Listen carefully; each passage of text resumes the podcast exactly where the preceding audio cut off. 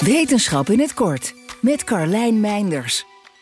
Een nieuwe studie geeft een bijzonder kijkje in de samenstelling van de vloeibare kern van Mars. Het helpt onderzoekers beter te begrijpen hoe de planeet is ontstaan en gevormd. In het onderzoek is door een groot internationaal team van wetenschappers voor het eerst vastgelegd hoe geluidsgolven door de kern van Mars bewegen.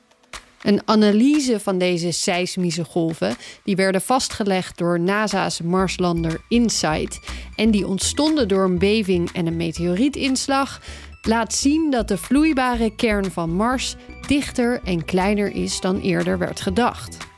1780 tot 1810 kilometer om precies te zijn. Ook konden ze laten zien dat in de samenstelling van de kern een fors aandeel zwavel en zuurstof zit.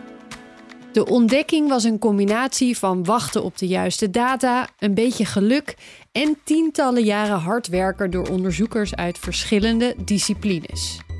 De resultaten helpen bij het begrijpen van hoe het ontstaan van Mars verschilt van het ontstaan van de aarde. Nieuwe theorieën over de condities waarin de planeet moet zijn ontstaan, kunnen nu naast de eigenschappen van de kern worden gelegd om te kijken of ze kloppen.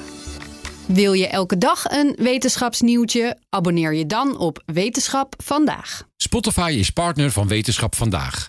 Luister Wetenschap vandaag terug in al je favoriete podcast-apps. Zeg ZZP'er, heb je nou nog geen arbeidsongeschiktheidsverzekering? Insafai heeft de AOV die wel betaalbaar is. In 15 minuten geregeld, 100% online. Krijg nu 20% korting in je eerste jaar via insafai.nl slash radio.